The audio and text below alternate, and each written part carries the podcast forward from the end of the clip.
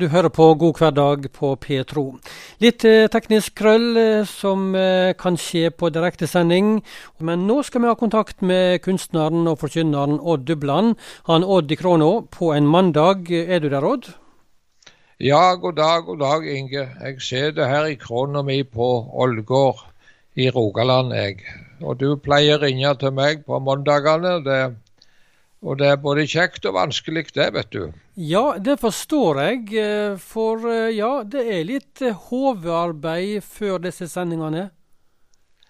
Ja, jeg skal prøve å si litt med forstanden oppi. Og ja, jeg må ha noe skikkelig, vet du. Og det, når vi har holdt på i mange, mange år med det samme, så, så kan det være et annet problem. Også når det gjelder det til å finne noe godt å si. Ja. Men eh, for denne siste praten vi tar med deg nå, Drøs, før eh, sommerpausen, så eh, skal vi stanse for noen ord av Jesus i Matteusevangeliet 16. Ja, han uttaler det òg flere plasser i Bibelen, disse ordene her, i flere evangelister.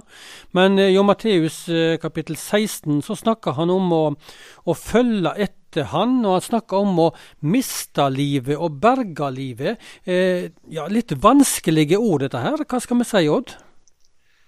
Ja, det er litt vanskelige ord, altså. For uh, han sier det slik at den som vil berge livet sitt, skal miste det.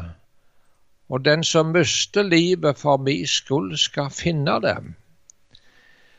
Uh, jeg skal bruke et lite dramatisk uh, bilde på det. Det var en dansk ungdom som hadde tanker om det at han skulle gjøre eh, store ting i livet og kunne utføre ei bragd. Eh, som, ja, det er mange unge mennesker som bærer på de tankene der. En skal bli til noe stort. Og så var det den eh, 28. september i 1994. Så gikk han om bord i ei stor ferje i Tallinn i Estland og den skulle gå over til Stockholm. Og dette var om natta. Og så blir eh, baugporten i denne ferja slått av, og sjøen strømmer inn over bildekket, og denne enorme båten krenger over. Og det var 852 mennesker som mistet livet der. Det var en tragedie så enorm. En av de største ulykkene på sjøen som har vært i fredstid her i Skandinavia. Det var bare 137 mennesker som overlevde. Men denne ungdommen han hadde som sagt tanker om han kunne gjøre ei bragd. Men når dette skjedde, så ble han grepen av panikk, han òg, slik så de fleste ble. Og dette, Han skulle komme seg bort til en flåte.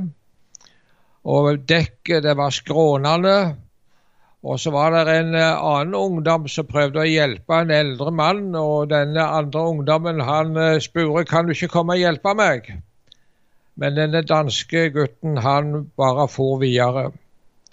Og så så han òg ei jente som lå fastklemt under et skap og ikke kom seg løst. Men han storma bare videre og hjelpte ikke jenta. Og klarte da til å komme opp i en flåte og var sammen med de 137 som ble berga. Så skulle en kanskje tenke det at denne gutten han var hjerteglad for at han uh, fikk berga livet. Men etterpå så fortalte han dette sjøl til ei avis hvor forferdelig han hadde hatt det etterpå. Han hadde liksom mist hele livsmotet. Det var ingenting å leve for, liksom. Han hadde svikta, følte han. Og han så for seg disse stakkarene som ikke kom seg løst ifra problemene om bord, og han sjøl ble berga. Og Da tenkte jeg på det som Jesus sa, at den som vil berge livet, skal miste det. Og han mistet liksom et slags liv, han òg, altså. Han gjorde det. Nå hadde han bare en drøm igjen, og det var det at det måtte oppstå en situasjon der han kunne få ofre seg, så han kunne få fred. Men så sier Jesus det at den som mister livet for min skyld, skal finne det. Altså Det første jeg fortalte nå, det er mer på det menneskelige plan. Men så sier Jesus det at den som mister livet for min skyld, skal finne det. Ja, hva, hva legger Jesus, eller hva tenker Jesus på når han sier det? Ja, det er omkostninger til å følge Jesus. Det er det. Og Det er mange mennesker ned gjennom historien som har rett og slett måttet bøte med livet fordi at de bekjente Jesu navn. Og Jeg kom til å tenke på Det var noen eh, kristne venner som ble spurt om å være med og gjøre en tjeneste eh, i et kristent arbeid. Og Nå er det ikke alle som passer til all slags arbeid i Guds rike, det er det ikke. Men det var noen som ble spurt om de ikke kunne hjelpe til i en bestemt situasjon. Men da kom de fram med en merkelig unnskyldning, noen. Nei, de vil ikke stikke seg fram. De vil ikke stikke seg fram. Jeg vet ikke om du har hørt det uttrykket der, Inge? Ja, det er et uttrykk som ofte blir brukt igjen, og lett for, lett for å si sjøl òg, kanskje? Ja. ja, det høres så voldsomt ydmykt ut. Det er et tegn på ydmykhet. Nei, en vil ikke stikke seg fram. Men eh, seg nå det at Paulus og Peter og apostlene hadde sagt det. Nei, vi vil ikke stikke oss fram. Eller Martin Luther, at han hadde sagt det. Jeg vil ikke stikke meg fram. Og hvis vi går inn i vårt eget land, Hans Nilsen Hauge, siden vi har et jubileum akkurat nå, 250 år siden han ble født at han hadde sagt nei, nei, jeg vil ikke stikke meg fram. Jeg vil være hjemme på gården, jeg. jeg vil være bonde. Jeg vil ikke reise rundt og, eller gå rundt forbi og forkynne Guds ord. Han kunne tenkt som så. Men han var bonden av et kall. Han var bonden av et kall. Og nå liker vi mennesker til å være frie. Men Hauge han eh, tok på seg dette korset og følge etter Jesus. Han var bonden av Den hellige ånd. Og det var ei tid der han måtte svi veldig for det han valgte. Han fikk hele den norske embetsstanden imot seg, hele presteskapet så å si, alle biskoper, og sjøl ble han fengsla og satt inne i ti-elleve år i fengsel. Tre av de årene var i såkalt tukthus, der han eh, mistet helsa si. Så når han kom ut fra fengselet siste gang, så var han nedbrutt og ødelagt på kropp og sjel.